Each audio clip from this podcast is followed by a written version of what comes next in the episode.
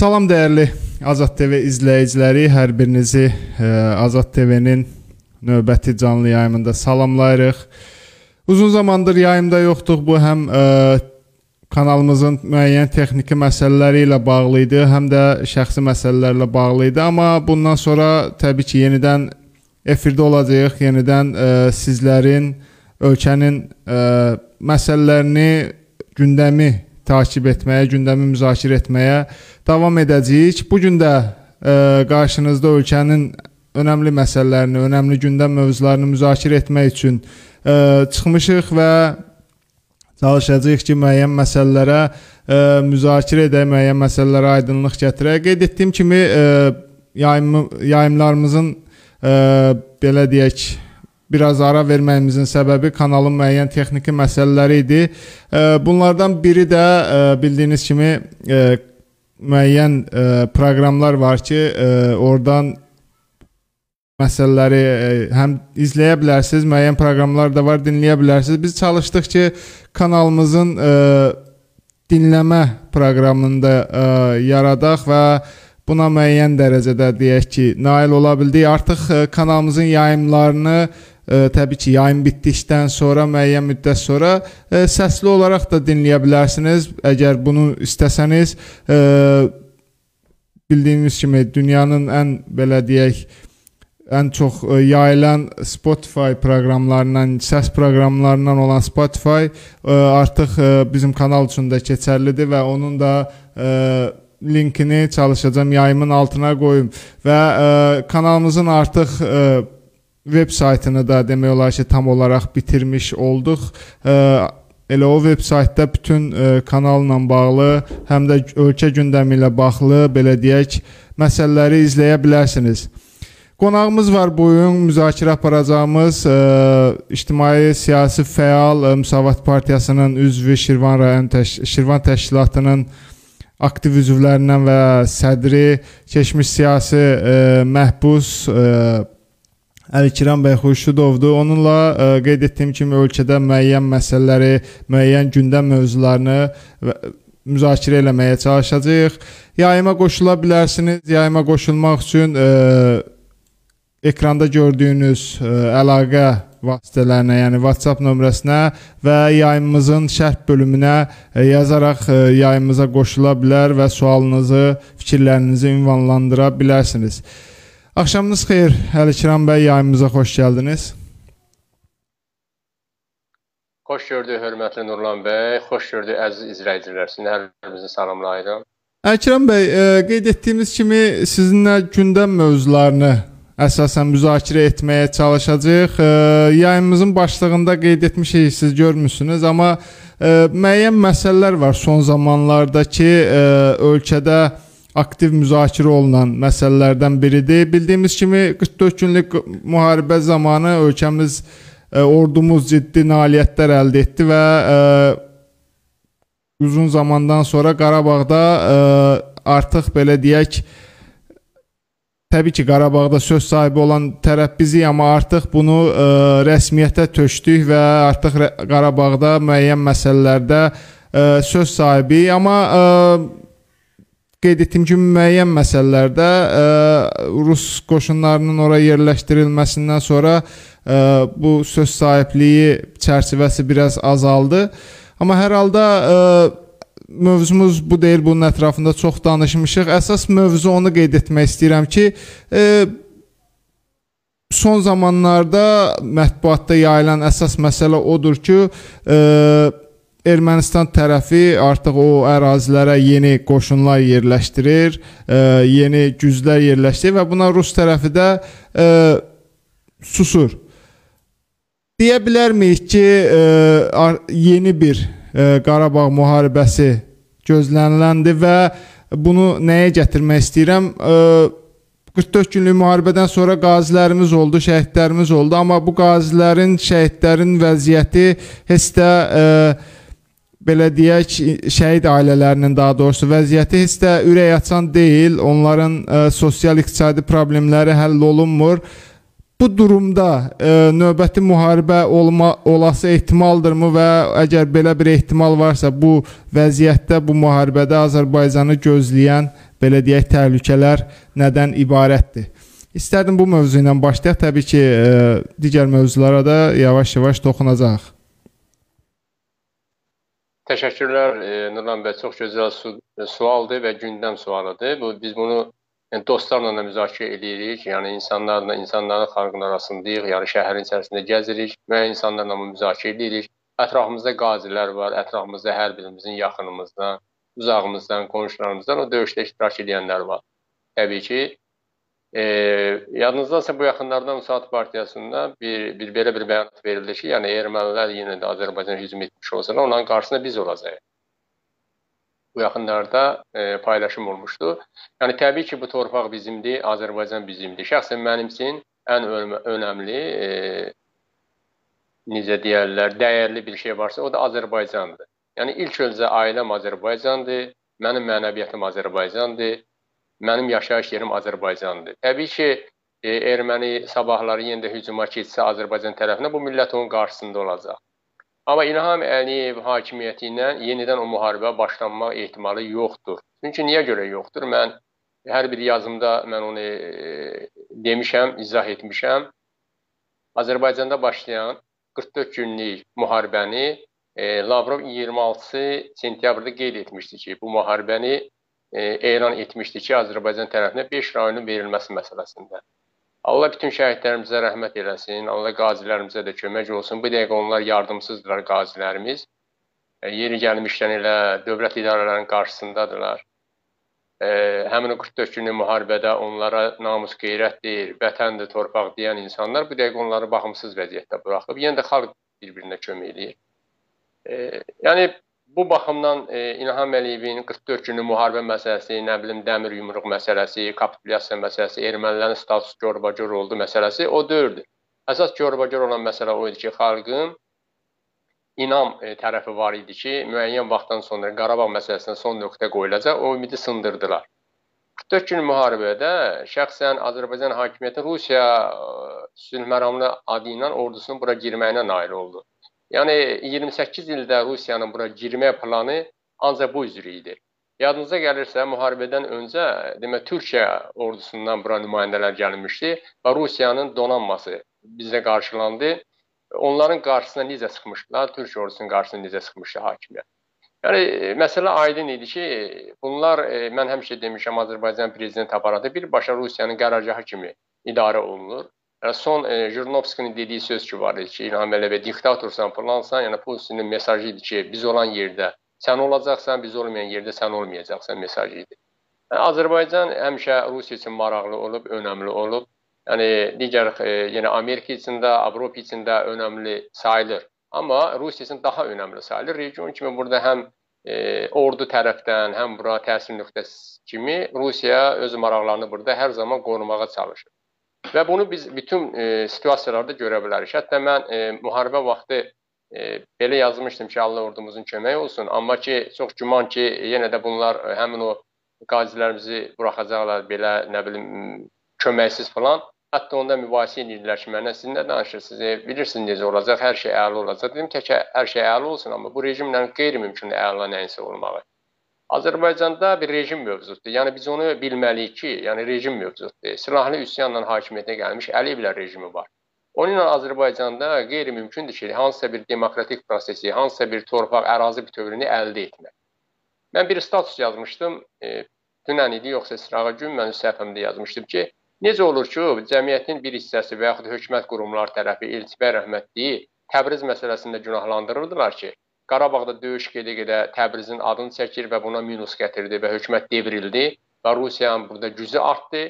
Amma burada Qarabağ, Xankəndi, Xocavənd, e, Xocalı qalan yerdə məsələn Zəngəzur məsələsini ortaya atdılar, ictimai rəyi çevirdilər başqa bir yerə, insanların e, fikrini döndərdilər tamam bir mövzuya və oradan Rusiyanın Laçın e, dəhlizi tərəfindən e, e, Ermənistanın deməli silah sursat maşınlarının ağır zireh maşınlarının daşınması, silah sursatının daşınması müşahidə etdik. Yəni hər vəznə, hər bir vasitə ilə cəmiyyətin, xalqın başını bir yönə qarışdırmaqla Rusiya orada öz işini görür. Və bu bütün hamısı Rusiya sülh məramlının gözü önündə baş verir bu. Rusiya sülh məramlı adı ilə, yəni sülh məramlı ola bilməz o hər halda. Yəni həmin o formatda e, Rusiya öz mövqelərini bərkidir. Öz mövqelərini bərkidir Qarabağda. Bu da təbii ki, biz üçün müsbət e, bir e, necə deyirlər, vəziyyət yaratmayacaq. Keçən səfərki mövzularda da e, müzakirədə də biz o mövzuya toxunduq ki, Qarabağda 16 min e, meydini döyüşdə qoyub qaçan Ermənistan Paşinyanı orada elə belə yeri dəstəkləməmişdi. Yəni qarşıda onların başqa bir planları var Azərbaycana qarşı. Məkirli həmişə Ermənistan bizə qarşı heç loyal ola bilməz, bizə yaxın ola bilməz. Onların özünə görə öz planları var. Təbii ki, onu da Rusiya nə qədər Ermənistandan uzaq dura bilər, Rusiya birbaşa onlara hər dəfə dəstəkçi olacaqdır. Azərbaycan təbii ki, bu dəqiqə təhlükənin əhatəsindədir təhlükə bizdən 10 addım o tərəfdə idisə, bir addım da o yaxınlaşıb bizə. Çünki Rusiya ordusunun orada yerləşməsi böyük bir bəladır Azərbaycan üçün. Və bu günləri hər hər hansı bir insan hərbi forma geyinib öz başına müharibədə gedə bilməz. Yenə də hakimiyyət burada hər hansı bir formada müharibənin başlanması və yaxud hər hansı bir e, e, münasibətlərin pozulması zəminində yenə də öz bildiyi kimi planları ilə işləyəcəkdir.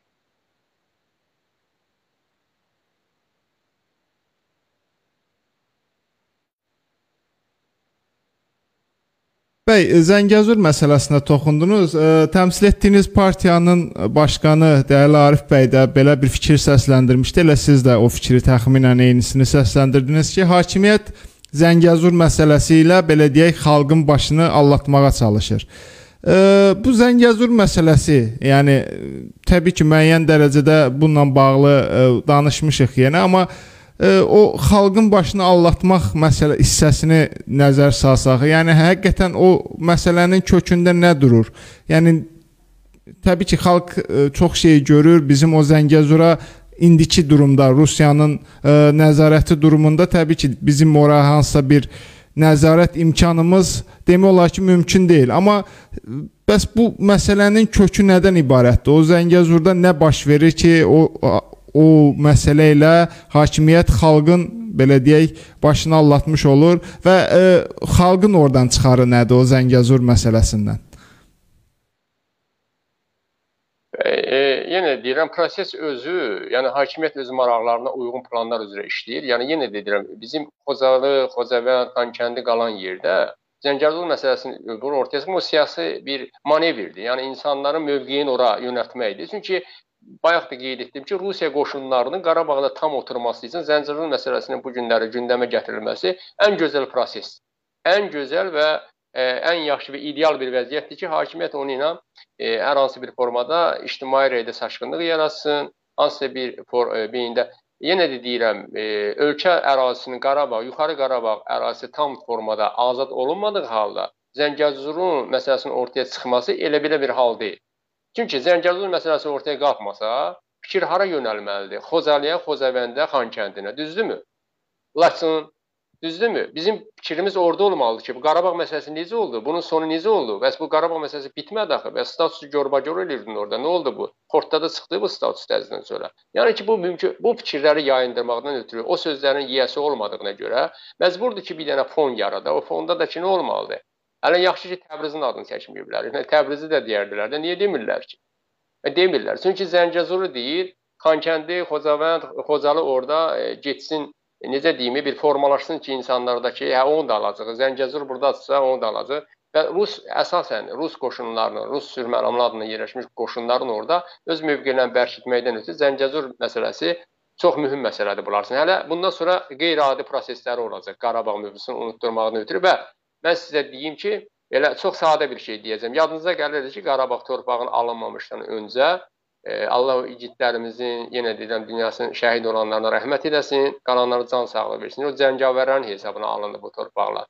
Bircə gün dözsəydilər, bircə gün o döyüşü saxlamasaydılar, Moskvadan onlara hökm gəlməsəydi, Xankəndi də bizdə olacaqdı, Yuxarı Qarabağ da bizdə olacaqdı. Mən yenə də qeyd edirəm ki, Azərbaycan Rusiyanı öz qərargahı kimi istifadə edir. Və ona görə də o proseslər bizdə Qarabağın tam azad olunması məsələsi proses olaraq qalacaq. Yəni həll olunmamış məsələ olaraq qalacaq. Mən bunu əminliklə deyirəm. Yəni bu rejim burada nə qədər varsa, o proses bitməyəcək. Çünki Azərbaycan hakimiyyəti 28 ildə ancaq Qarabağ mövzusu ilə hakimiyyətini qoruya bilib. Qarabağ incə nöqtə, Qarabağa erməni hücum elədi, Qarabağda falan şey baş verdi, Qarabağda atışma başladı, Qarabağda nə oldu? Bu proseslə ən e, kövrə tərəfini tutub hakimiyyətini idarə edir və insanlar da onun üçün dözür, səbr edir ki, ə, bəli, bizim torpaq, ərazi bütövlüyümüz var və o, o, o ərazi bütövlüyümüzün toxunulmamazlığı olmağına görə eybi yoxdur. Nə bilim, borcda da yaşayarıq, kreditdə də yaşayarıq. Nə bilim, qonşuya da bir dənə çörək borcu olarıq, amma o məsələ həll olunsa, amma o məsələ heç vaxt həll olunmayacaq bu rejimlə. Təbii, mən bu sözü deyirəm. Bax onu da əminliklə görəcəksə, bu rejim o məsələni həll edə bilməyəcək. Çünki qeyri-demokratik hakimiyyətdir, Rusiyadan asılı hakimiyyətdir. Nəinki Rusiyadan. Maraqlarına görə bütün güc güc dövlətlərinin hamısına asılı olan bir hakimiyyətdir. Zəngəzur məsələsi də həmin prosesin bir uzudur. Bax mən sizə yenə də deyirəm, e, deyilmişdi ki, məcburi köçkünlər ora qaytarılacaq döyüşdən sonra və sonradan qoydular könüllü getməlidirlər və azad olunmuş torpaqlarımızın əksəriyyətində də taxıl əkin biçinləri və Türkiyənin bir çox şirkətləri orada tikinti işlərlə məşğuldurlar. Artıq orada abadlıq işlərinin demək olar ki, bir qismi əsasən əkinçiliyə sərf olunacaq və orada da ki, həm Qarabağ cəmiyyətindən kimi deyəcəklər ki, orada yaşaya bilmirəm necə ev verəcəklər ora, hələ o məlumdur. Yəni proses olaraq qalıb. Vəziyyət o da, e, o dərəcədə biraz elə bir acınacaqlı durumdadır. Ə, Əkrəm bəy, siz elə çıxış əsnasında qeyd etdiniz, hakimiyyət təbii ki, bu uzun illərdir bizə bəllidir ki, hakimiyyət Rusiyada bağlı hakimiyyətdir və Rusiyanın icazəsi, sözü olmayan heç bir addımı atmaz. Amma ə, Buna belə deyək, əks olaraq bu yaxınlarda ə, e, belə bir ə, e, addım atıldı. Ə, e, Qarabağda bildiyimiz kimi o, o erməni ermənilərin yeni güclərinin yerləşdirilməsi məsələsinə təbii ki, ictimaiyyətin, xüsusən ə, siyasi partiyaların ə, Arif bəyin bununla bağlı bir neçə statüsü oldu ə, ki, yəni bu məsələyə diqqət ayırmaq lazımdır və bundan müəyyən müddət sonra ə, e, hakimiyyət Rusiyaya qarşı belə ə, e, daha doğrusu heç bir nota verməsə də Müdafiə Nazirliyimiz ə, e, üstü örtülü də desə ə, olsa dedi ki, bu məsələyə Rusiya göz yumur. Yəni bu ə, Rusiyaya qarşı addım daha sonralar orada bizim üçün hər hansısa bir, yəni Rusiyaya qarşı dırnaq içində belə desək, addım Qarabağda hər hansısa bir yeni ə, problemlər yarada bilərmi ki, Rusiya yenidən Ermənistana dəstək olsun və ə, e, hər hansı bir ə, e, çaxnaşma yaratsın və ə, e, Qarabağda ə, nəzarəti yenidən Ermənistana versin. Bundan bağlı nə deyə bilərsiniz? Bəli, mən e, müşahidə etdiyim qədərini deyəcəyim ki, İlham Əliyev 44 günlük müharibədədir, elə Rusiya ilə bir, bir arada bir baş-başa gəlirdi. Yəni onlar e, yəni ictimai rəisin formalaşmış bir hərəkətlərdir. Yəni açığını deyim, qısa deyirəm sizə mən. Çünki İlham Əliyev heç vaxt Putinlə baş-başa gələ bilməz. Çünki niyə görə gələ bilməz ki, onun hakimiyyətini birbaşa burada oturmağı yadınızdasa 2003-dən bəri Luşkov idi seçki proseslərinin burada e, idarə edən saxtalaşdırmasının e, idarəsində oturan Qarabağ məsələsində birbaşa Rusiyanın mövqeyi var Azərbaycanda. E, yeri gəlmişkən, e, Jurnovskinin bir söz işlətməyi, sonra tamam başqa söz işlətməyi, bir-birinə nota-nota oynamaqları, yəni bunlar hamısı bilirsiniz nədən ötürüdür? Yəni cəmiyyətdə bir belə bir mövqe yaransın. Bəli, biz ictimai rəyə biz fikir bildirdik. İctimai bəs fikir verirsiniz ki, 28 ildə bir dənə nazir, bir dənə hansısa bir məmur, hansısa icra başçısı korrupsiya ilə həbs olunmurdu ki, Amma son dövrdə dedilər ki, siz məmurlardan bizə siqnal verin, biz onları həbs edəcəyik. Məmurlardan bizə siqnal verin, onları həbs edəcəyik də, yəni e, özlərinin təyin elədiyi məmurlar idi. Onsuz da bunu eləməli idilər. Amma nədir? Görüntü nədir? Görüntü ondan ibarətdir ki, güya ki, məsələn, müəyyən ictimai rəy yarananda hökumət hansısa bir addımı atır. Hökumət əgər hər hansı bir addım atacaqdısa, 44 günlük müharibədə o sülh məramlı adının oru soru sonra girməzdi. Yəni bu bundan başqa bir açıqlaması yoxdur. Artıq bundan sonra ora nə qədər söz desək, nə qədər onlara nota versək, yaxşı sabahlar gəlin çıxardaq oranı. Azərbaycan hakimiyyəti bir dənə nota versin ki, sabah e, ictimaiyyətin istədiyi odur. Yəni siyasi partiyaların istədiyi odur. Rusiya ordusu Azərbaycandan çıxsın. Görə o, o cür bir addım ata bilərlər bunlar. Ata biləcəklərsə atsınlar. Biz onu alqışlayarıq ki, bəli, əla addımdır. Rusiya ordusu sülh məramlı adı ilə gəldi bura. Heç nə iş görmədi. Əksinə ermənilər orada silah-sursat yığdılar ərazimizə. Əksinə orada e, hərbiçilərimizə mina düşdülər, jurnalistlərimizə mina düşdülər, gecə ilə orada minalar basdırdılar. Yəni bu boş-boş məsələn notalardır, nə ruskavərə ilə nə bilim nəsə bir bəyanat verməkdir. Onlar hamısı bugünkü gün işlə vəziyyətdə deyil, əsas əməldir. Bəs mən e, bu günləri bax təəssüf hissi ilə biz qeyd edirik ki, Türkiyə ordusunun burada rəsmən oturmağına hələ bir heç nəyə nail olunmuyor.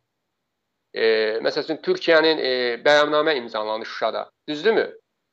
E, 62 nəfərdən ibarət müşahidə orada hərbi ki, e, hərbiçiləri var orada.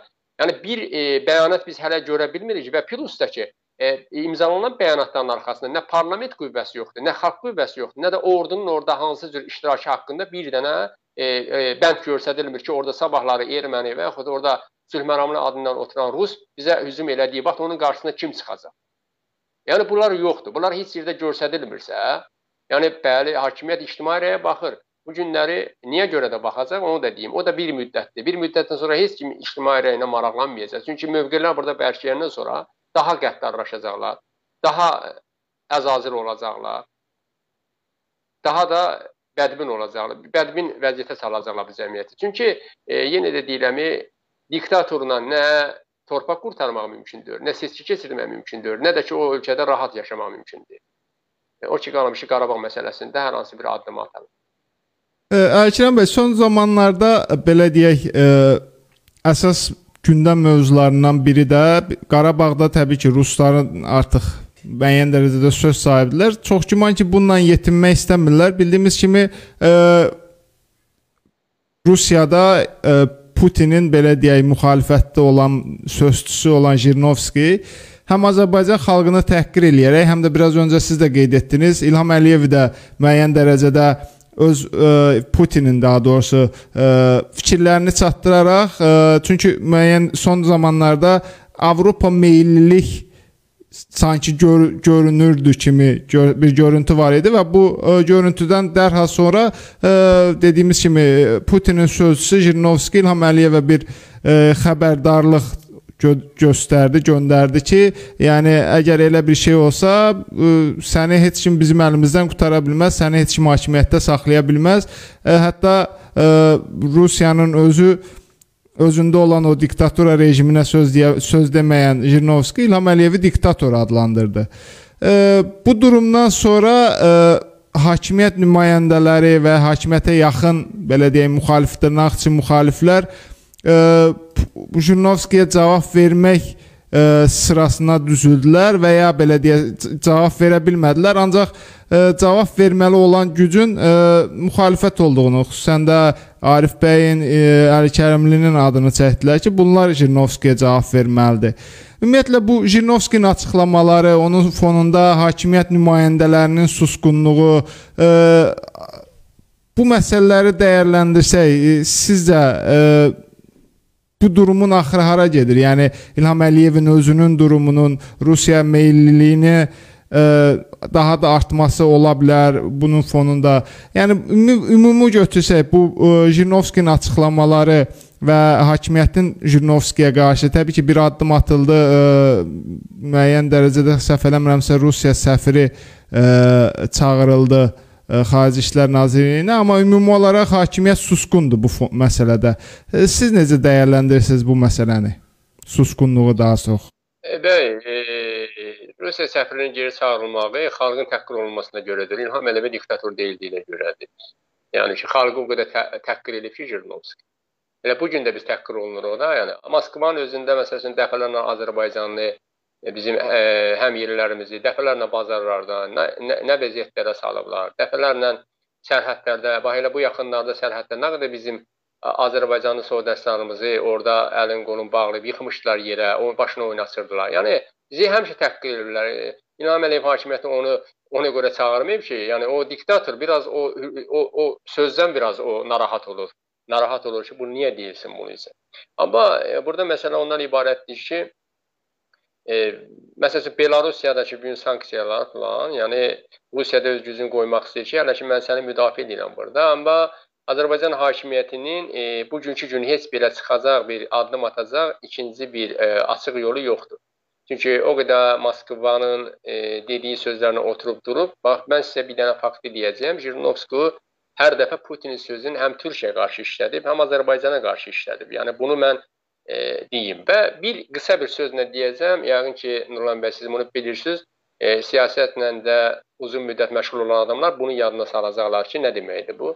2003-cü ildə iyun ayının 31 idi səhv etmirəmsə, yəni Heydər Əliyevin Gülhanədəki yəni xəstəxanada olması və onu Amerika, Rusiya, Türkiyənin hakimiyyəti ilə gizlədilməsi və İlham Əliyevin hakimiyyətə gətirilməsi dekabr ayı e, dekabrda gətirilib Heydər Əliyev dəfn edildi Azərbaycanda. Yəni bu zaman e, insanlara bir söz demir, nə deməkdir? Yəni bu açıq-açığına onu demək istəyir ki, yəni bu cütlüklər Əliyevlər rejimini güclü şəkildə müdafiə edirlər. Hətta demokratik hakimiyyətin ə, e, Azərbaycanda hakimiyyətə gəlməyinə də imkan verməyiblər. Jirinovskinin də bu gün açıqlamaları, ay nə bilim səfirliyin geri çağırılmağı, bu bilirsiniz nədir? Elə bir ki, kiminsə bir, bir saatlıq kiminsə küsməsi kimi bir şeydir. Yəni mümkün deyil ki, orada ciddi bir addım atalar, hər hansı bir formada Rusiya təzyiq göstərsə, bu hakimiyyət göstərə bilməyəcək. Çünki e, e, ona görə göstərə bilməyəcək ki, bütün resursları Rusiyadan asılıdır. Bütün resursları Rusiyadan asılıdır. Bütün ətraf Rusiyadan asılıdır. Bu gün e, Deyirlər ki, 50-dən yuxarı parlamentarlar İlham Əliyevə güya etirazə qalxıb. Boş-boş şeylərdir bunlar. Onlar formal şeylərdir, gündəm dəyişməkdən ötürü bir şeylərdir. Yəni Azərbaycan hakimiyyətinin özünün içərisində, parlamentin özündə Rusiyanın adamları kifayət qədərdir. Azərbaycan siyasi məsələn e, baxırsınız bir deputat məsələn bir dənə e, xoşa gələn söz deyəndə bütün hamı onu şüar edir ki, e, filan kəs görsən əla danışdı, filan dedi, millət, aşı onlar hamısı boş şeylərdir. 30 ildə normal bir söz deməyib, bir dənə orada məsələni xalqın qaldırıb qoymayıbsa hakimiyyət parlamentarların qarşısına, e, təsəvvür edin ki, o boyda parlamentin spikeri Firmakovun ad gününü keçirdəndir sahibə xanım Qafarova. Firmakovun ad gününü keçirdiblər bunlar. Yəni biz necədir? E, söhbət onda gedir ki, yəni biz nə ilə güc göstərə bilərik Rusiyaya? Azərbaycanda demokratik parlament yox. Azərbaycanda demokratik hakimiyyət yox. Xalq e, pis vəziyyətdə, acınacaqlı vəziyyətdə. Qarabağda qalib gəlmiş əskər bu günləri borcun içində e, rəsmi nə bilim orqanların qarşısında özünü yandıran kim, özünü asan kim, intihar edən kim. Yəni bu vəziyyətdə adamı qıraqdan baxırlar, deyirlər, hansı gün sən nota verirsən? Sən e, bu günləri onu eləyə bilərsən ki, sən gələ demokratik bir hakimiyyət olasan ki, sən sivil ölkələrin yanında olasan ki, e, hər hansı bir sözün keçərli olsun. Hər kəs səni, necə deyim, baza kimi işlədir. Biri puluğa baxır, biri hökm verir sənə, biri istədiyin Azərbaycanda edir. Yəni mən sizə açığın deyim, bunu mən izləyicilər də deyirəm, 20 ildən yuxarı, nəinki 20 ildən yuxarı, seçki müddəti bitmiş 5 il, 2-5 ildən o izə kim oturubsa, onları hansısa güclər idarə edir. Onlar böyük adamlar deyirlər. Yəni onu bilsinlər. Onlar böyük adamlar deyirlər. Onlar nə e, türkçülük, nə böyük bir Azərbaycan haqqında düşünən Azərbaycan e, haqqında düşünən bir insanlar deyillər. Uzun müddət hakimiyyətdə oturan insanları güclər idarə edir. Onların dediyini eləyəcəklər burada. Onlar heç vaxt xalqın dediyini eləməyəcəklər. Bunu başa düşməlidirlər, bilməlidirlər, anlamalıdırlar. Hətta Azərbaycanda siyasi məhbus məsələsində Moskva rəsmi Moskvanın əli ilə eləyirlər. İndi bir dəqiqə görürsüz, tam rahat formadırlar. Rusiya gəlib düz oturub Azərbaycanın mərkəzi, ən gözəl yerimizdə oturublar onlar. Həm silahlı oturublar, həm siyasi oturublar, həm nə bilim hər bir formatda Azərbaycan içərisindədir. Əkrəm bəy, sosial məsələlərə ə, yenə toxunacağıq, ə, amma bir məsələni də qeyd etmək istəyirəm. Elə o siz toxundunuz bu deputatlarla bağlı. Bildiyimiz kimi bu yaxında ə, bir deputatın deputatlıq səlahiyyətləri ləğv olundu və onu ə, məhkəmə qarşısına çıxartdılar, amma Məsələnin kökü təbii ki, bu deyil. Bu normal dövlətlərdə olan bir şeydir. Əgər ə, deputat hər hansısa bir cinayət törədibsə, bu normal qarşılanacaq bir şeydir. Amma ə, problem o ə, mə, belə deyək, Milli Məclisdə müzakirə olunarkən buna qarşı çıxış edən deputatlar oldu. O deputatların belə deyək, ə, qorxusu nə idi? Xüsusən də səhv eləmirəmsə Tahir Kərimli ə, ə, deputatın belə deyək, dəstəkləyən onu ə, yarğılanmaması lazım olduğunu deyənlərdən biri idi və hətta qeyd etdi ki, ə, deputatlar bu gün yiyəsizdir, ancaq ə, polisin yiyəsi var. Belə deyək, e, sualı ilk hissəsini belə qoymaq istəyirəm ki, deputatın yiyəsi hal-hazırda ölkədə kimdir, polisin yiyəsi kimdir və ə, ümumiyyətlə bu hadisəni siz necə dəyərləndirirsiniz? Ə, həmin o dep deputatın həbs olunması və ə, daha sonra təbii ki, o deputatların çıxışı. Bu iki sualı ayrı-ayrı cavablandırsanız bir deputatlığa namizəd olaraq belə deyək. Ey, açıq-açığına deputatların da mandatını verən İlham Əliyevdir, polisi də qoran İlham Əliyev. Yəni buranın heç birinin ikinci bir adamı yox. Sadəcə Orada maraqlar nədən ibarət? İndi nəsə indi telefonda kiməsə toxunub hər hansı bir formada. Yəni bunlar ələm-ələm adam tutan deyirlər. Yəni hansısa bir dairəyə toxunub. Mən statusda yazdım ki, e, belə deyək də, nə oldu? Əlikram Xurşudovun üzünə e, 3 6 nəfər, 13 nəfəri polis nəfər oldu. Durğuzusu 315 220.3 xuliqanstv ilə statyalar əsasında apardı. İndi söhbət nədən gedir? Burada maraq başqadır. Burada maraq nədir? Yəni hər bir hakimiyyətin özündə də bu dəqiqə çalışan adamların hamısının cibinin pulunu alırlar yuxarı səviyyədə. Yəni hamı bir-birinin arxasınca danışır. Və indi də hər birinin səsi yazılır. Hətta e, məlum oldu da, yəni e, məsəl üçün səs yazılan dinlənilməsi məsələsi çıxmışdı ortaya ki, birbaşa e, böyük bir biabırçılıq oldu. Məncə e, Fransada idi. Artıq o məsələ haqqında ciddi bir hökumət məsələ qaldırır ki, bu nə e, o dinlənilmə haqqında E, e, şeyə e, ciddiyyətə aldılar o işi. Birbaşa məsəl üçün müxalifət, nə bilim, hətta öz adamlarını izləyirdilər ki, öz hakimiyyətlərini tanıyırlar ki, lap e, özlərinin o məddahlıq elədiyi adamlar var ki, onlara, onlar da inanmırlar ki, birdən bunlar da çönəlirlər, artıq o qədər əzirlər. İnsan bilirsiniz necədir? Bunlar zorakı vəziyyətdə saxlayırlar ətrafındakı o məmurların özündə. Əzirlər, şantajla, disketlə nə bilim masajlarda, nə bilim restoranlarda, orada burada disketləri var, saxlayırlar. Onlar da qorxaqdırlar. E, nədən qorxursan? Denən ki, ver getsin də. Nəyindən qorxursan? Cə bədbəxt olur.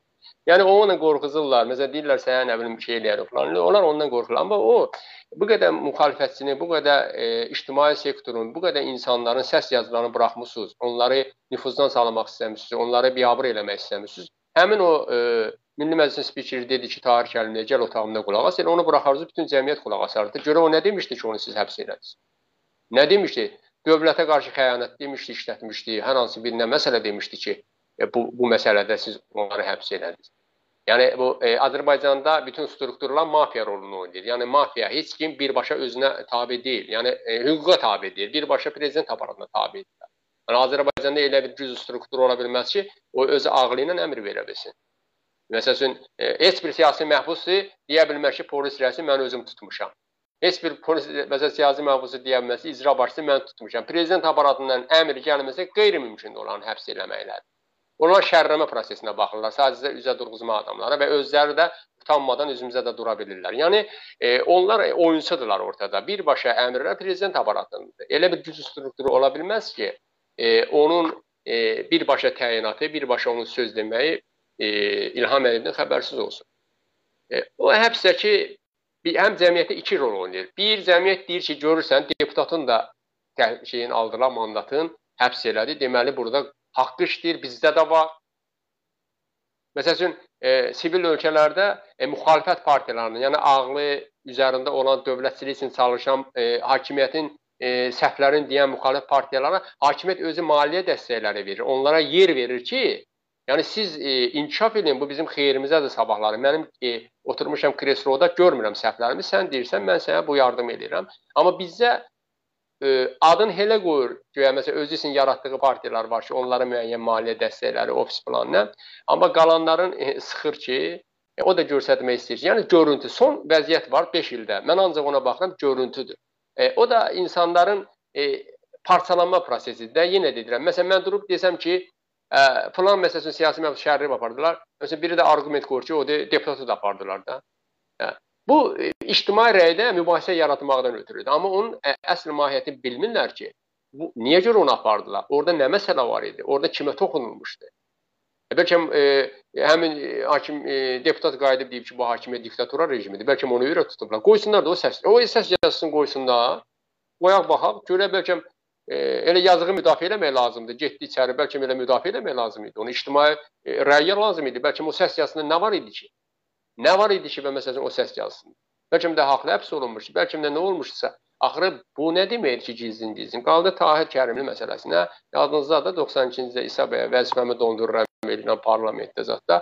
Qurban olum Allaha elə qoy özlərinə qismət olsun.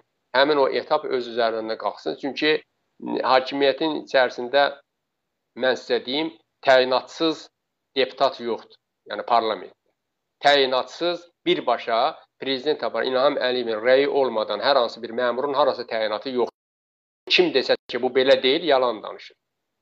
Belə deyil. Hətta məktəb direktorlarına qədər təhsil şöbəsinin, yerli təhsil şöbəsinin e, müdiriyyətləri tərəfindən kimliyi araşdırılır ki, bu kimdir? Kimin adamıdır? Bu sabahları bizim hər hansı bir e, məsələlərimizi həll etməyə qadir bir adamdır, yoxsa bizə qarşı bir müxalif, müxalif nəyə deyirlər? De desə ki, məsələn, məktəb direktoru ki, niyə görə burada mali hesablatları yeyilir, onu eləyəcəklər müxalifətçi. Məsələn, desə ki, niyə görə məktəblinin burada məsələn müəyyən təminatları verilmir? Niyə görə biz məktəbdən təmin pulu yığırıq? Ə, onda deyəcək sən müxalifətçisən, sən hökumətə qarşı çıxırsan, sən dövlətçiliyə çıxırsan, hökumət də yox, dövlətçiliyə qarşı çıxırsan. Ona görə onların xəbəri olmadan, birinci adamın xəbəri olmadan ən sonuncu adam vəzifəyə təyin olunmur. Çünki bir-birindən asılıdırlar hamısının təyinatları. Əlkəm bəy, bu deputatlar məsələsindən sonra gündəmə digər bir mövzu gəldi ki, e, erkən seçim ola bilər. Yəni e, parlament buraxıla bilər, yenidən e, yeni bir parlament seçkiləri ola bilər. Bu məsələnin ə, ciddiliyini nə qədər yəni nə qədər ciddi qəbul eləmək olar? Həqiqətən yeni bir parlament seçkilərinin siqnalı ola bilərmi bu ə, deputatın həbsi və parlamentdəki o çıxışlar? Təbii ki, deputatlar ə, qeyd etdilər ki, belə bir şey ola bilməz, amma ə, o deputatlara ə, yuxarıdan əmr gəlsə ki, özünüzü buraxın, təbii ki, onlar səhər gün bunu edəcəklər. Yəni belə bir halın mümkünlüyü varmı ki, ə, deputatlar yeni bir parlament seçkisi olsun və ə, təbii ki, bu bu parlamentin özü bir yeni parlamentdir deyə biz deyə bilərik. E, düzdür 2 il e, koronadan və ondan qabaq da ümumiyyətlə e, fəaliyyətsizliyi ol, olmayan, fəaliyyəti olmayan bir e, Milli Məclisimiz var, amma hər halda ə, yeni seçkilər keçirilmiş və yeni ə, sizin deyiminizlə desək təyin olunmuş deputatlar idi və ə, yeni bir parlament seçkisinin olub ə, olub olmaması nə qədər ciddi qəbul oluna bilər? Evet, əslində qalanda bəlkə çoxları biraz ümidli, nə bilim, biraz sevincli yarışanıb ki, məsələn, parlament ləğv oluna bilər, yeniləri şey təyin oluna bilər. E, yeniləri yenə təyin olunacaq İlham Əliyevlə. Yəni seçki olmayacaq yenə. Söhbət onunla gedir. Amma orada komanda söhbəti var. Hamı o komandaya düşmək istəyir. Onun həvəskarları var. Bu gün də var ki, o parlamentdə mən mandat ala bilərəm. Yəni o həvəslə yaşayanlar var da. Amma mən onu sizə deyim ki, parlamentin buraxmağına e, hakimiyyətin ya e, parlament şey, səlahiyyətin buraxılması ehtimal yoxdur, e, ehtiyac yoxdur. 2020-ci ildə keçirilən saxta seçki ilə əlaqədar bizim verdiyimiz şikayətlərə əsasən Avropa məhkəməsi qərar çıxartdı 2021-ci il haqqında Azərbaycanda keçirilən seçkilər saxta keçirilib. Yəni bunun ilə hakimiyyət olsa da onu buraxmalı idi, yəni ki, saxlamalı idi. Yəni indi e, eləyir bunu öz hegemonluğunu göstərir o yerini. Amma güya ki, parlament sabah buraxılsa, yeni parlament qurulsa necə olacaq ki?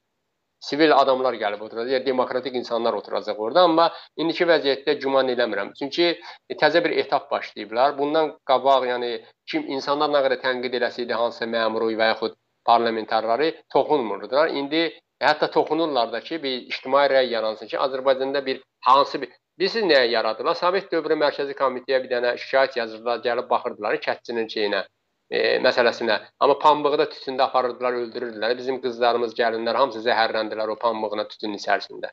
Saxta pambıq yığımı ilə adına. O formatı yaratmaq istəyirlər. Yəni bizi şükür elətdirmək istəyirlər ki, keçmiş SSR dövrünə. Keçmiş SSR dövrünə lap sabahları parlament buraxılsa belə, yeni parlament yenə təyinatlı olacaq. Yəni orada heç kim gözləməsin ki, gələcək normal siyasətçilər, normal e, xalqın e, tələblərini ortaya qoyacaq insanlar orada olacaq. Mümkünatsız bir şeydir. Amma Heç bu bu vəziyyətlə hələ bu yaxınlarda mən güman eləmirəm ki, elə bir şey baş verə. Baş versə də belə mənasız bir şey olacaq. Hər halda e, həvəslənənlərin sırasında yəqin ki, o avtobus müxalifəti deyilən insanlar da var. Onlar da yəqin öz sadiqliyini göstərib parlamentə düşmək istəyən, e, belə deyək, istəyən düşmək istəyənlər sırasındadır. E, sosial məsələlərə gələndə bəy, e, qeyd etdiyimiz kimi gündən-günə ağırlaşır və bir tərəfdən Qarabağda yeni e, münaqişənin yaranma ehtimalı, digər tərəfdən siz də qeyd etdiniz, e, şəhid ailələri, qazilər e, ümumiyyətlə hər gün bir e, dövlət idarəsinin qarşısındadılar və e, baxımsızlıq, müəyyən, yəni bizdə bəzi məlumatlar da var. Onlar indi e, tam olaraq faktla olsa, o, əlimizdə olmadığına görə açıqlamaq istəmirəm, amma bir hissəsini deyə bilərəm ki, məsəl üçün xaricə göndərilən ə, e, qazi müalicə üçün qazilərdən danışırlar. O qazilərin bir çoxunun hətta ə, e, o xaricdəki müalicə xərclərinin bir hissəsini ödəyirlər, digər bir hissəsini onlar öz üzərinə düşüb ki, onlar özləri ödəməlidirlər.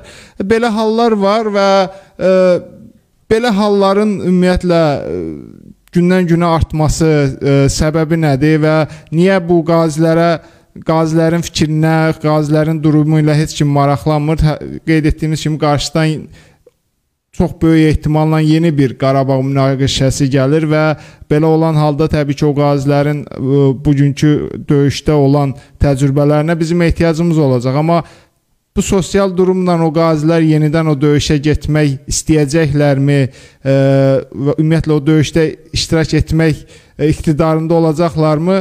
E, bu məsələlərlə bağlı fikirlərinizi bilmək istərdim. Bəli, təşəkkür edirəm. Elə birinci növbədə qazilərimizə görə, yəni bizim orada iştirak edən hərbiçilərimiz, nə bilim qazilərimiz hamısı vətənpərvərdirlər. Yəni onlar bu gün də bizdə elə bir şey var ki, yəni biz həqiqətən də ölkəmizi bax, bir də görürsüz xaricdə bir məsələ baş verir. Sırazı bizim uşaq dostlardır, nə bilim bu gənclərdir. Sırazı ora bir reaksiya verirlər ki, yəni vətənpərvərliyini ortaya qoyurlar.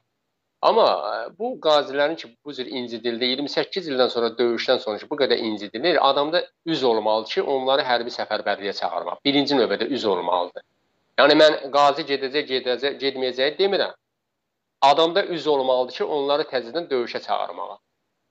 Yəni o üz varsa çağıracaqlar. Üz yoxdursa, özləri nazirlər, deputatlar, balaları geyinəcək formanı bu dəfə onlar vuruşacaqlar. Mən onu görmək istəyirəm. Hə, geyinsinlər, getsinlər, vuruşsunlar. Hamının evində bir oğlu var, prezidentin də bir oğlu var.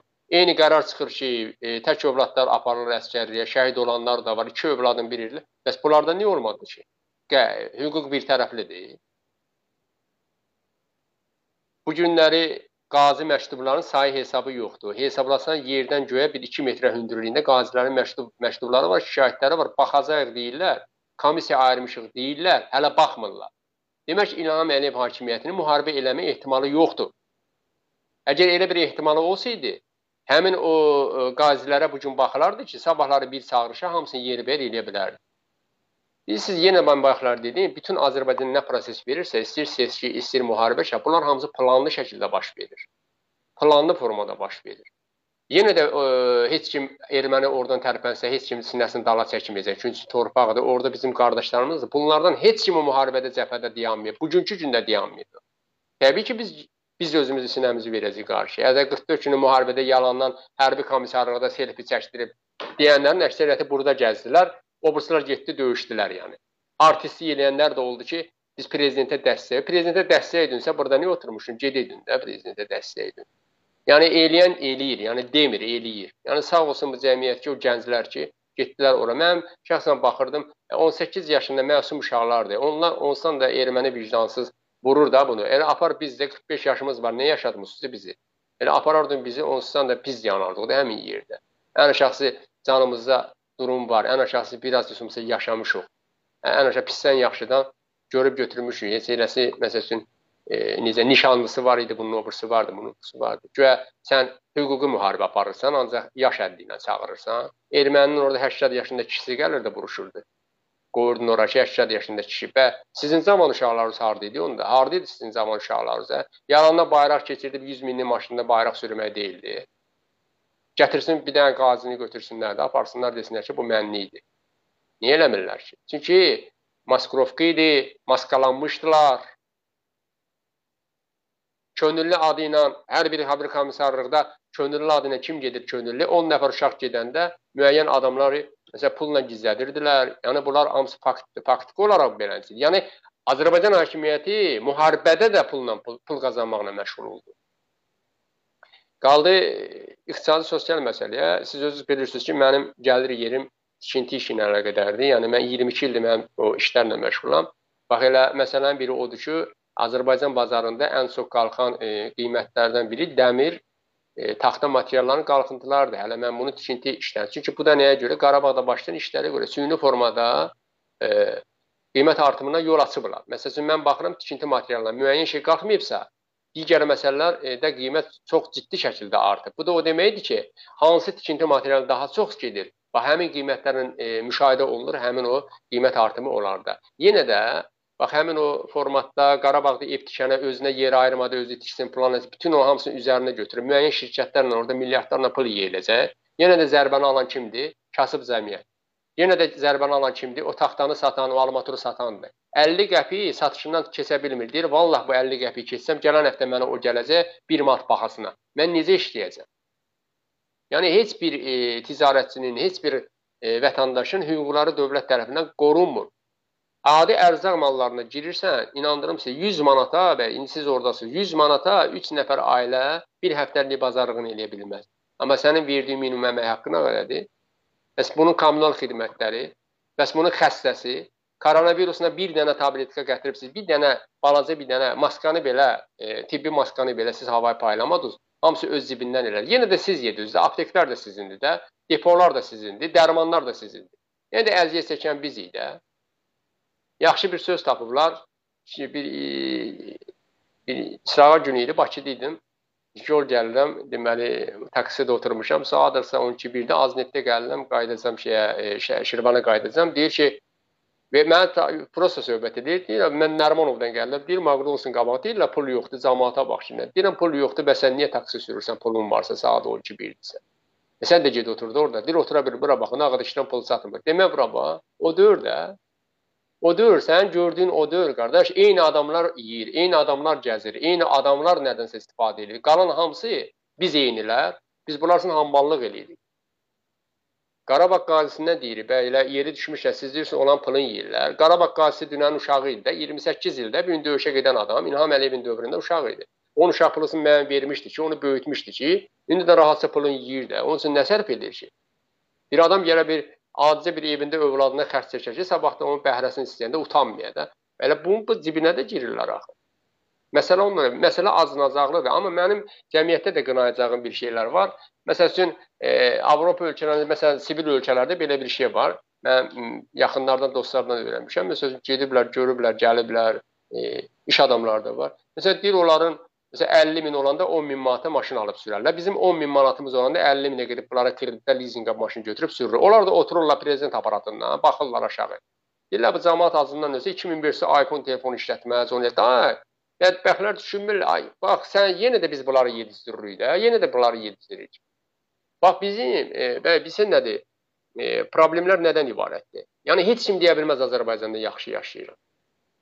Burası maraqlı cəhət nədir? İnsanları yaşadan cəhət nədir? Hamı bir-birini dolandırır. Mağazalardır, insanlara biraz əl tutur. O birisi də belə eləyir. Sağ olsun o mağazalar. Məsələn, nisiyəni nisiyə verir, borca verir, paltarın verir, ayaqqabısını verir, telefonun verir, nə nəyin verir. Bu cür cəmaət balasını saxladır, övladın böyüdür. Yəni bunu hakimiyyət gözəl bilir. 200 manatdan ailə ailə yaşaya bilməz ayda. İnsanlar bir-birinə əl tutur. Bu da hakimiyyətə fürsət verir. Bax deyirəm yenə, burdan da deyirəm. Qardaş, mənim evimə uşaq pulu vermir, hə? Sabah qaz pulum, su pulum, hansı bir enerji pulum olsa gəlib kəsəcək, hə? Amma hansı bir vəzifəli şəxsin indiyə qədər inzibati xətalarla bir dənə cəriməsini yazıblar ki, kəmər vurmayıb üstündə sürür. Bütün polisi saxlayanda hüquqdan danışır. Azərbaycan qanunu pozmaq olmaz. Siz qanunla hərəkət edirsiniz. Hansı polis rəisi e, kəmər vurur, oturur maşınına iş yerinə gedir. Hansı icra başçısı müəyyən e, hüquqi qaydalara əməl edir. Yəni varmı eləncə bir əməl edənlər? Yəni Cəmiyyət özü də bilirsiniz, qəbullanıb, elə bir qəbul eləyib yaşayır ki, bu belə olmalıdır. Bizim də ən çox bizim evimizi yıxan o necə deyirlər, loru diləsə mentalitet məsələsi, böyük məsəl bizim belə hökumətdən qorx, Sovet dövründə yaşlı adamlar hökumətdən qorxublar, paqqalı adamdan qorxublar, polisdən qorxublar. Ona görə bizə həmişə deyiblər ki, bala polisdən, polis gələ falan, Qarı sən hüququ bilirsənsə, konstitusiyanın birinci bəndisənsə, sən hüquq üstündür. Forma yox, hüquq sənin üstündür. Cəmiyyət bəy bilirsiniz necə acınacaqlı vəziyyətdir. Mən yenə də deyirəm, baxın, e, heç nə ilə müqayisə eləsək, Azərbaycan e, cəmiyyətində yaşayış məsələsi e, yenə də deyirəm, kölə vəziyyətini alır. Həqiqətən köləmə. Bax, son müqayisələri götürək, planlı şəkillərinə bax. Ölkədə ən çox inqilabı gənclər eləyərdi də. Bax, indi son müşahidələri aparırıq. Ölkədə e, narkotik vasitələrin dövriyyəsi falan, mən dəfələrlə bu məsələyə toxunmuşam. Bunlar bazar bağlamaq istəsələr, bazarın alıcıları müalicə eləyərlər. Alıcı kimlərdir ki? Bədbəxt uşaqlardılar. Bizim qonşular, nə bilim, o burslar, bu burslar, yəni tanıdıqlarımızdır, ətraflarımızdır da bizim. Məsələn, e, ola bilər axtarsan sənin yaxının çıxa bilər, axtarsın o bursunun yaxını çıxa bilər. Bundan qabaq 100 nəfərdən bir nəfərdirsə, indi o qədər təhlükə alınıb ki, bütün qapıları döyür. Deməli, bu mənbəyi hökmə sağalmaq yox, onun bazarını açmaq. Yəni bazar açmaq nə deməkdir ki, sən o xəstəni sağaltsan, sən o xəstəni e, normal vəziyyətə gətirsən, sənin o satılan mal satılmayacaq. Bütün çıxışlara da fikir verin. Tutulan malı tanımadığım İran vətəndaşından almışam. O sözü deyirəm polisi də. Deyir buraba sən desən ki, filan kəsdən almışam, o desə filan kəsdən. Müəyyən yerdə söhbəti bağlayırlar ki, gedib yuxarıya çıxmasın. Çünki niyə? Bütün yerlər hamısı e, üz tanıyan kameralardır. Bütün yollar hamısı belə elə istəsən bir ayaqdasın gedib onun bütün birinci mənbəyinə çıxacaqsan. Amma istəmirsən, maraqsızsan və bu günlər gənclərin bu cürləri e, bu vəziyyətə düşməyinə hökumət özü maraq göstərib susub, indi durub elə bir vəziyyətə yığışdırmaq da qeyri-mümkündür. Çünki niyə?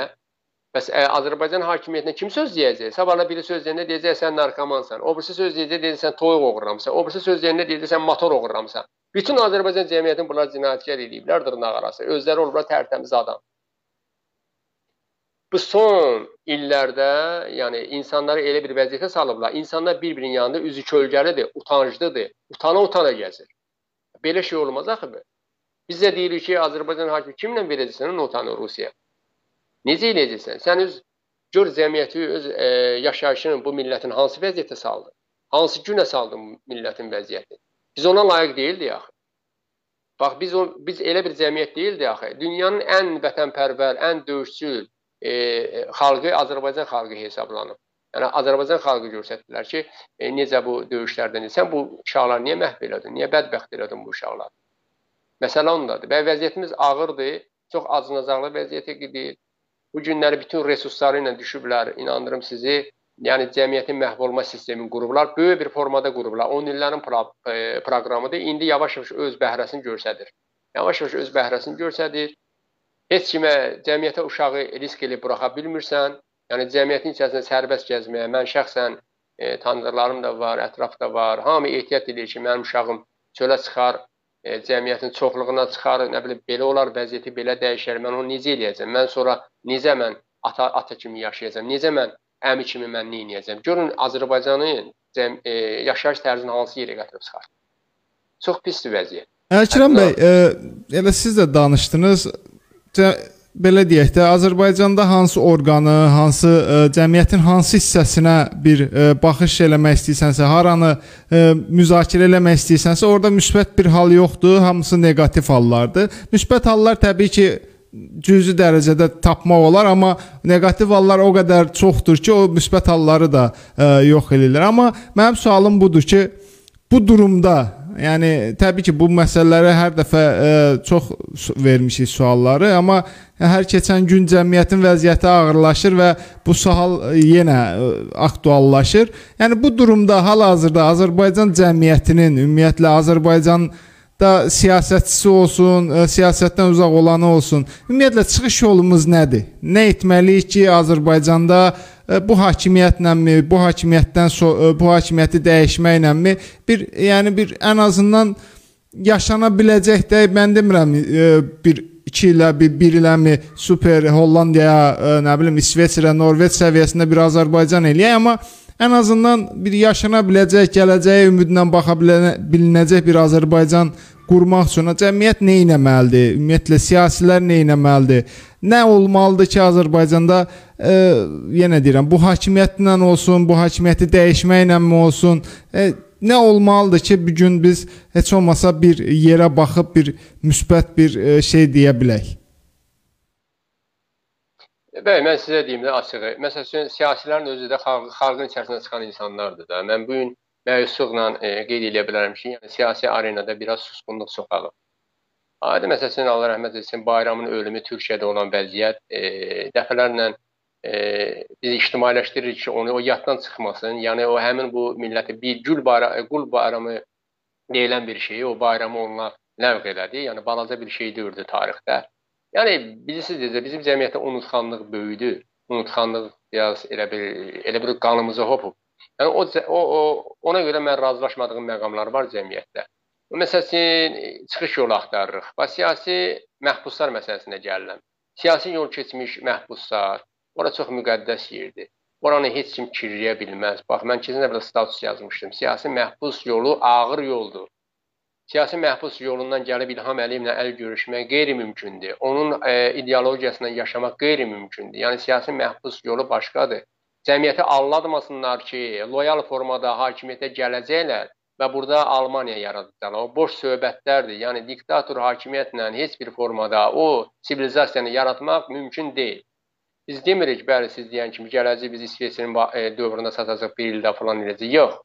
Sadəcə ən aşağısı dəyişkən hakimiyyət qurmağa nail olmaqdan ötürü çox şeylər eləməliyik. Bizim qarşımıza öhdəlikdir, xalq olaraq da öhdəlikdir. Baxın, 2003-cü ildən, 2005-ci ildən proseslər gəldikcə, bax 53 bal müəllim bal toplayır, yəni imtahanda, düzdür?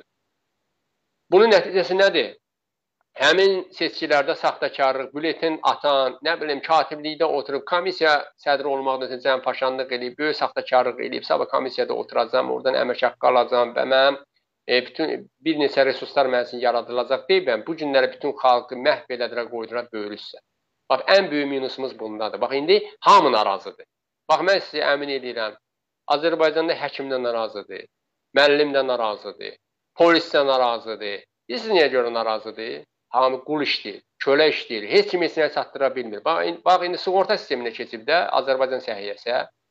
Dövlət xəstəxanasında həkim ücreti hamı qaçır. Özəl özəl açır öz üçün. Çünki niyə açır? Onun o al alacağı o müəyyən o sosial tibbi yardımdan köçürülən ona pul onun yaşayışı üçün heç nədir.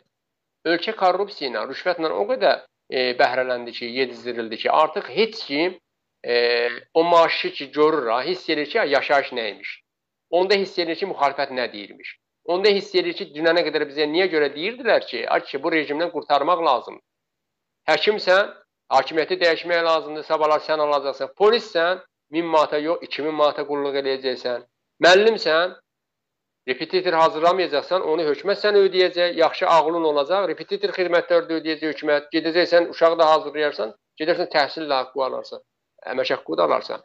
Cəmiyyətin mənim e, ən böyük, yəni mübarizədən dayanmasın, laqeyd olmasın da. Yəni mübarizə aparan insanlara əşi boş şey deyib, siz bunlara güc gələ bilmərsiniz, bunlar güclüdürlər deməsinlər. Ən aşağısı, ən aşağısı o sözü işlətməsinlər. Çünki e, bax mən sizə deyim də olub da məsələn müxalifətdə də olub. Mən cəmaəti də qınamıram. Yəni e, dözə bilməyib, Məsələn, müəyyən qədər alış-verişi də olub hökumətdə. Ə, sən də gəl qoşulub bölmə, onlarla mübarizə aparaq. Da mənim fərqi var, o müxalifətçi əgər hökumətlə əl birdirsə, o niyə burada durmalıdır? Elə mən onu dəyişməliyəm də burada yeri gələn. O da mənə lazımdır. Yəni cəmiyyət aktiv olmalıdır ki, həm hakimiyyətə müqavimət göstərə bilsin, həm də ki, müxalifətin yanında ola bilsin, müəyyən proseslərə müdaxilə edə bilsin. Sənin durub qıraqda danışmağına heç nə düzələn deyil. Mən şəxsən öz adıma danışıram. Yəni bircə canım var. O canımı bu hakimiyyət nə bilim məni öldürsə də, təzədən tutsa da, nəm çarmıxa çəksə də, mən axıra qədər sözümü deyəcəm. Bu hakimiyyətin mən diktator kimi tanımışam, rejim kimi tanıyıram. Mənim 45 il ömrümü əlimdən aldı. Övladımın da əmrin e, ömrünü əlindən alacaq, o birisinin də ömrünü alacaq. Kimsə mübarizə aparır, aparsın. Kimsə mübarizə aparmağa gücü yoxdursa, başqalarını da qınamasın. Qınamasın və sakitcə otursun, öz köləliyini yaşasın. Mən kölə olmaq istəmirəm. Həyata insan bir dəfə gəlir, bazardığın qədər mübarizə yolunu apar ki, heç kim rahat yaşamır. Heç kim gedib evinə rahat çörək qazanmır ki, rahat da mübarizə aparsın. Hamımız zülmün içərisindəyik. Hamımız fəhləçiliklə, hamımız tozun torpağın içərisində. Kimi taksi sürür, kimi nə bilim gedir, daş atır. Yəni sən də onun biri ol da, səndən böyük şey istənilmir ki.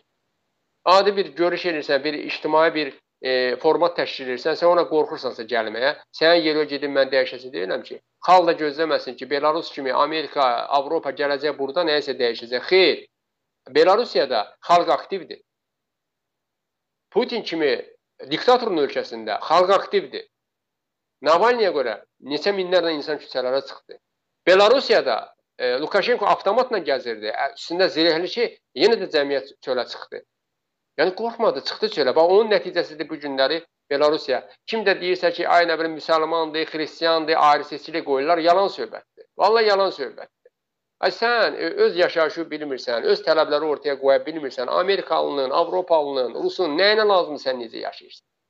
Ona çox vacibdir sən necə yaşayırsan. Hər kəsin öz maraqlarını qoruyacaq burada. Amma sən tələbkar olmalısan.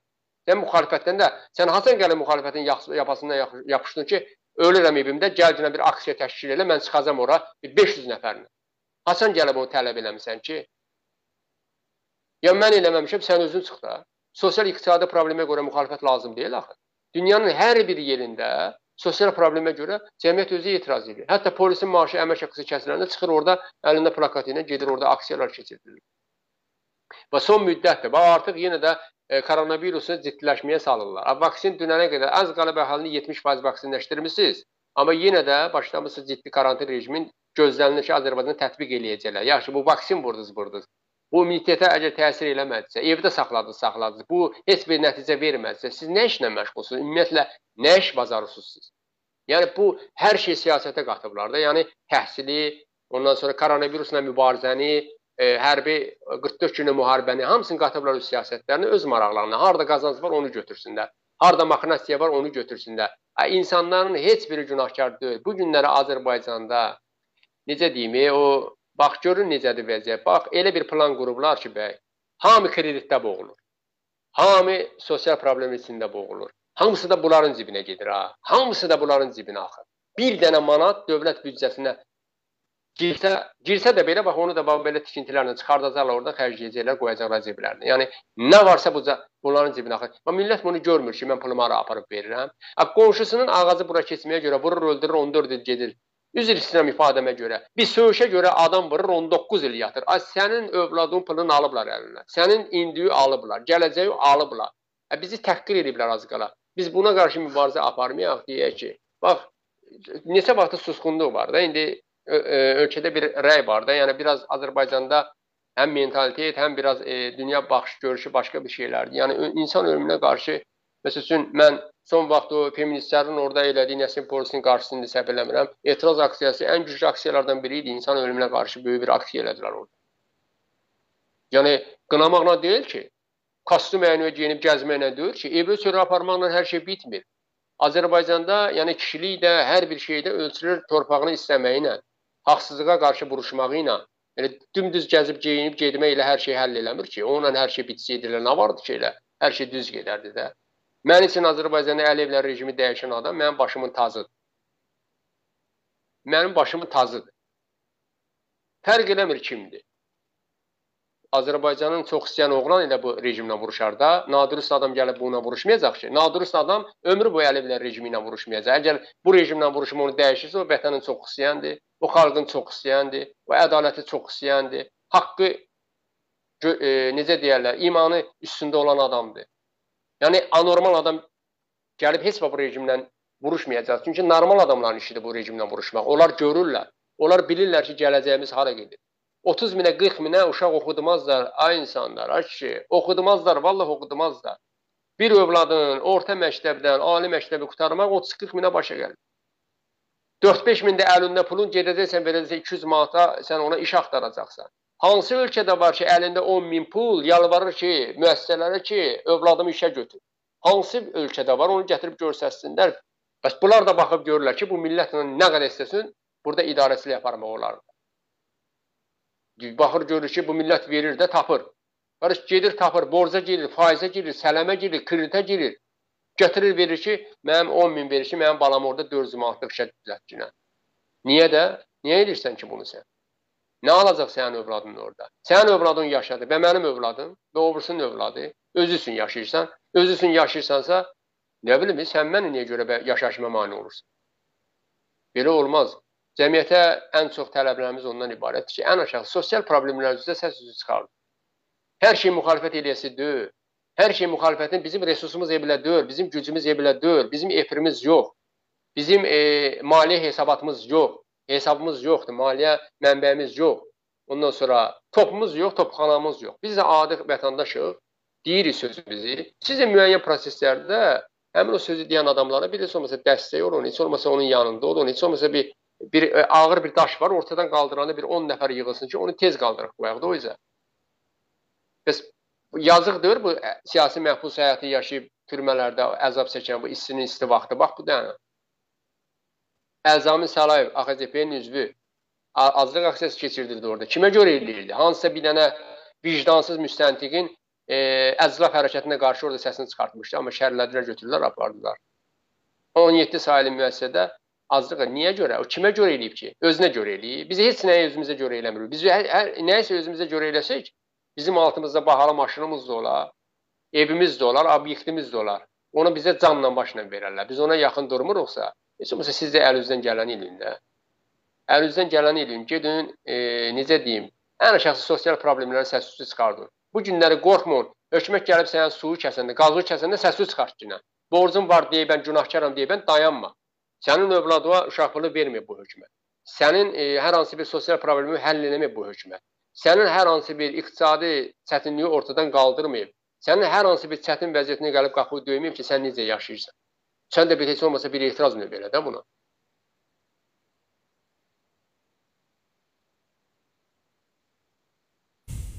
Təəssüf ki, Əlikiram bəy belədir. Elə indi e, mən şərhlərə baxırdım.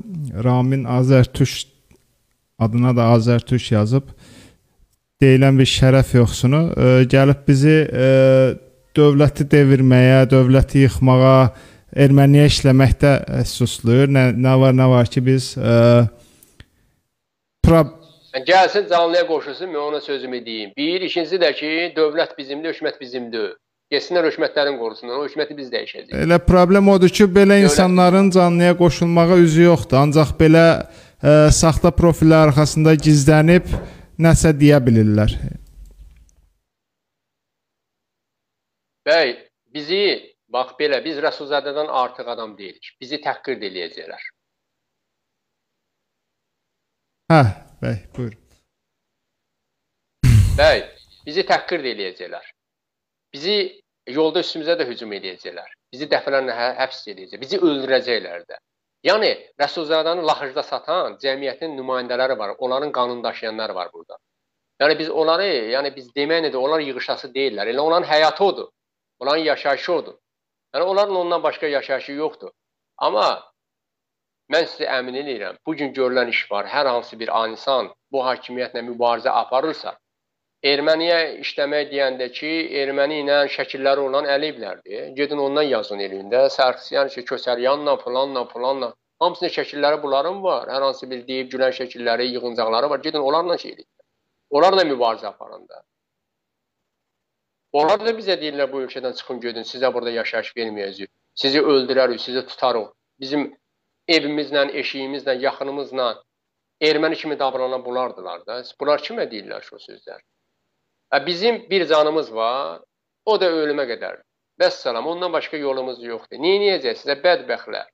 Hə, gələcək nəsillərə hansı cavab verəcəksiniz? Mən öz vicdanıma and içirəm. Mən sağ olan bu hakimiyyət dəyişə, mən heç kimə keçməyəcəm. Heç kimə keçməyəcəm. Heç kimin bu günləri bu millətə yaşatdığı zülmə mən keçməyəcəm. Mən əgər onu keçsəm, məndə vicdansız adam yoxdur. Hakimiyyətdə siz siz müxalifətdən mənəm. Bazarın məni qoymayım yaşayam.